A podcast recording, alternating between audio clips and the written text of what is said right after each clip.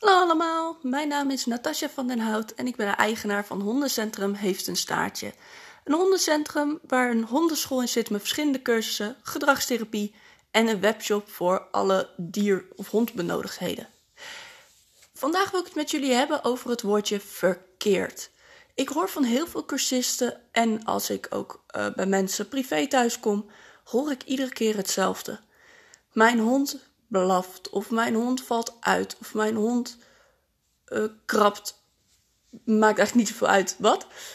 Uh, en dan hoor ik de eigenaren altijd zeggen: Ik doe het verkeerd. En dat is ook wel een klein beetje wat door uh, de grote media er ook wel in is gezet. Wat er heel snel op tv verschijnt, is als een hond iets verkeerds doet, is dat jouw schuld. Maar is dat ook zo? Ik vind eigenlijk van niet.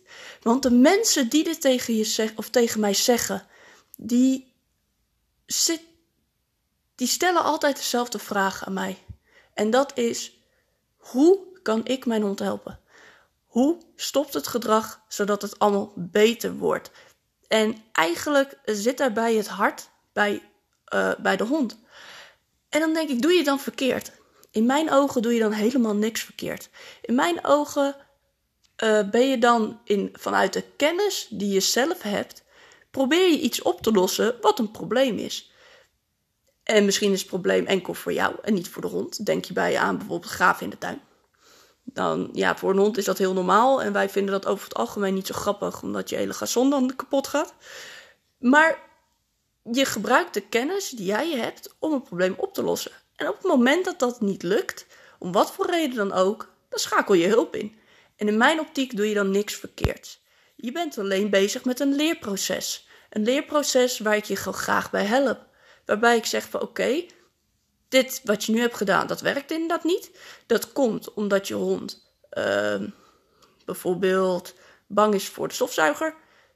En uh, ja, dan werkt het niet om de stofzuiger iedere keer aan te zetten waar hij pal naast staat. Daar zal hij alleen maar van schrikken. Dat wordt hem niet. Dus dan gaan we op een andere manier bekijken van oké, hoe kunnen we ervoor zorgen dat en je hond zich prettig voelt. En dat jij toch kan stofzuigen en dat je dat uiteindelijk dichter bij elkaar kan brengen. Zodat je niet meer uh, maatregelen hoeft te treffen voordat je wil gaan stofzuigen.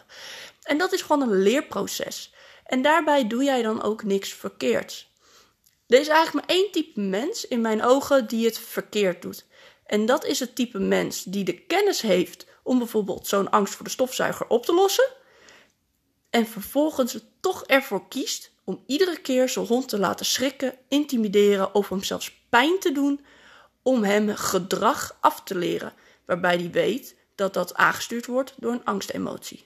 Dus dat de methodieken voor schrik, intimidatie en angst juist die angst gaan verergeren. Of uh, pijn bedoel ik. Juist die angst gaan verergeren. En dan ben je in mijn ogen pas verkeerd. Dus dan heb je de kennis om zoiets op te lossen.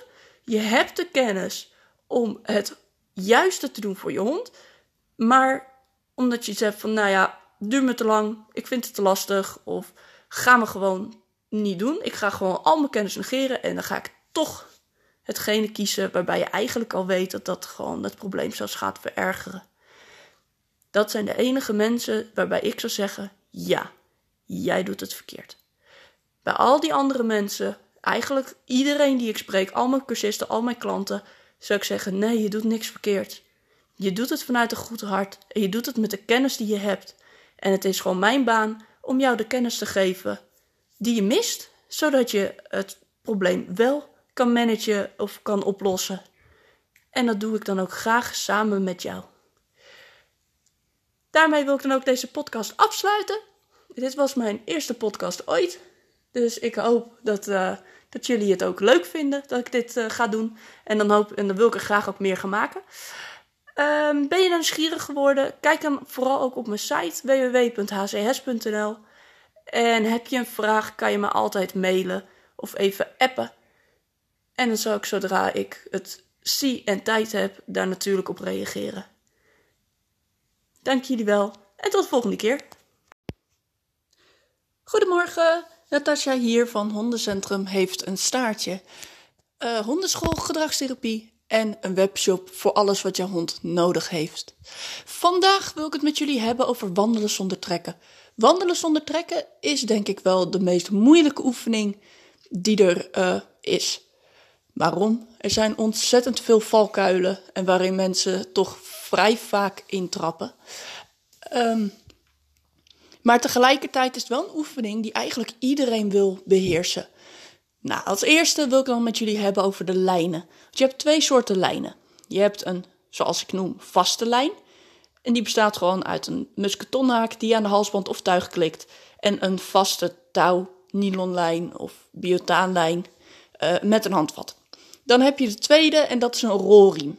En het rolriem, nadeel daarvan is, is dat er een katrolletje in zit die continu weer terug oprolt. Met als gevolg dat er non-stop druk staat op de halsband of tuig van jouw hond. Dus het voordeel is, is dat ze wat meer lengte hebben, waardoor je ze eigenlijk wat meer vrijheid kan geven. Uh, terwijl jij nog wel goed de controle hebt, want ze kunnen niet weglopen. Maar dat katrolletje zorgt dus continu voor dat die weer wordt opgerold, die lijn. Met als gevolg dat jouw hond moet trekken aan de lijn om überhaupt vooruit te komen. En het is niet trekken als in uh, borst helemaal naar voren en je ziet al die spieren aanspannen. Maar het is wel uh, verder naar voren leunen. Het is eigenlijk wel überhaupt uh, het, het, lopen zelf. Met als gevolg dat je hond vrij rap leert dat hij in principe al zijn gewicht naar voren moet zetten om netjes met je mee te lopen. Dus als je een rolriem gebruikt en je doet er vervolgens een normale vaste lijn aan, dan zal je ook merken dat je hond gaat trekken aan de lijn. Want hij is die druk gewend. Hij is gewend om juist in die druk te gaan hangen. Dus dat maakt het sowieso al lastiger als je echt wilt dat je hond wandelt zonder trekken. Dat is al de eerste valkuil waar je goed over na moet denken of een rolriem dan wel iets voor jou en je hond is. Uh, tweede valkuil heeft er eigenlijk mee te maken dat wat wij heel vaak worden, wordt aangeleerd, is zodra die trekt aan de lijn, dan stop je met lopen. Nou, dat doe je heel goed. Op een gegeven moment kijkt je hond jou aan, want heeft zoiets van, ja, hallo, waarom lopen we niet verder? En dan roep je hem bij je en daar beloon je hem voor. En dan verwachten wij dat we het trekken hebben gecorrigeerd. Met als gevolg, wat er vrij rap gebeurt, is dat een hond naar het einde van de lijn rent, een tik in zijn nek voelt omdat hij het einde bereikt, of op zijn tuig, weer omdraait, naar je toe komt en heen en weer gaat pendelen. Het is nu een trucje geworden. Nou, hoe komt dat? Dat komt omdat je hetgene bekrachtigt van punt A, hij trekt aan de lijn, en als hij bij je is, dan krijgt hij een koekje. Dus je hebt er een hieroefening van gemaakt. Maar je hebt hem nog niet verteld dat je wil dat hij wandelt zonder trekken. En daar ligt ook een hele grote valkuil. En wat gebeurt er? Een associatie wordt gemaakt. Op het moment dat ik het einde van de ring eh, bereik, krijg ik een voertje bij mijn, bij mijn vrouwtje of baasje. Dus ik keer weer terug en ik ga weer naar het einde van de lijn, want dat was leuk. Het was een heel leuk spelletje. De derde en laatste eigenlijk ja, valkuil waar je goed op moet letten tijdens wandelen zonder trekken, is dat je altijd beloont voor het wandelen zelf. Dus hij wandelt met je mee en dan beloon je hem.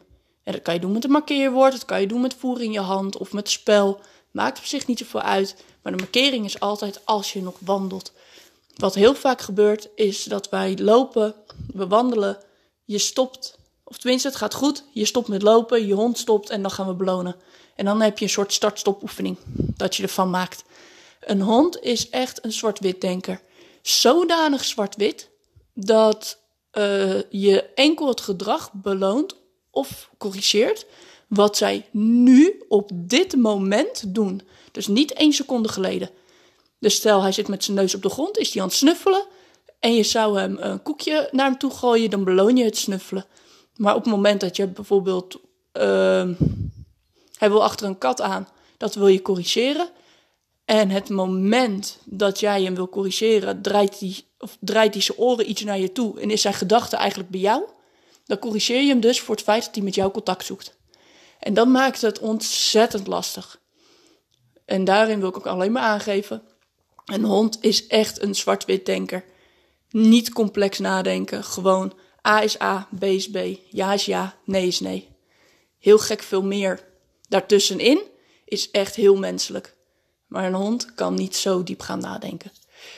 Nou, ik hoop dat jullie wat aan de tips hebben gekregen of hebben gehad. Wil het wandelen zonder trekken nou niet lukken, dan zou het kunnen zijn dat of er in de training iets niet goed gaat, of dat er toch een brokje stress bij zit. Want van stress gaat een hond namelijk nog harder lopen dan hij normaal doet. En normaal ligt het looptempo van een hond al hoger dan bij ons. Dus mocht het nou niet lukken, schroom je dan niet om mij even een mail of een app te sturen. Je kan me mailen naar natasha.hcs.nl of appen naar 06 83 44 1346. Ik ga dan samen met jou even kijken waar eventueel het, uh, het probleem ligt. En dan zijn er verschillende dingen beschikbaar. Ik heb een speciale cursus voor wandelen zonder trekken. Dat is gewoon op locatie op de hondenschool. Eventueel bied ik ook privélessen aan. Of lessen bij jou thuis, waarin ik in, bij jou in de omgeving ga kijken.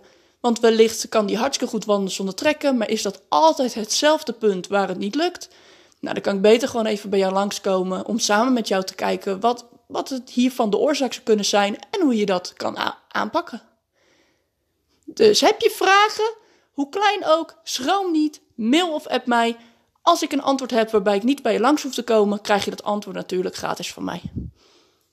Wens jullie een fijne dag. Dit was Natasja van Hondencentrum Heeft een Zaadje, hondenschool, gedragstherapie en webshop voor al je hondbenodigdheden. Tot de volgende keer!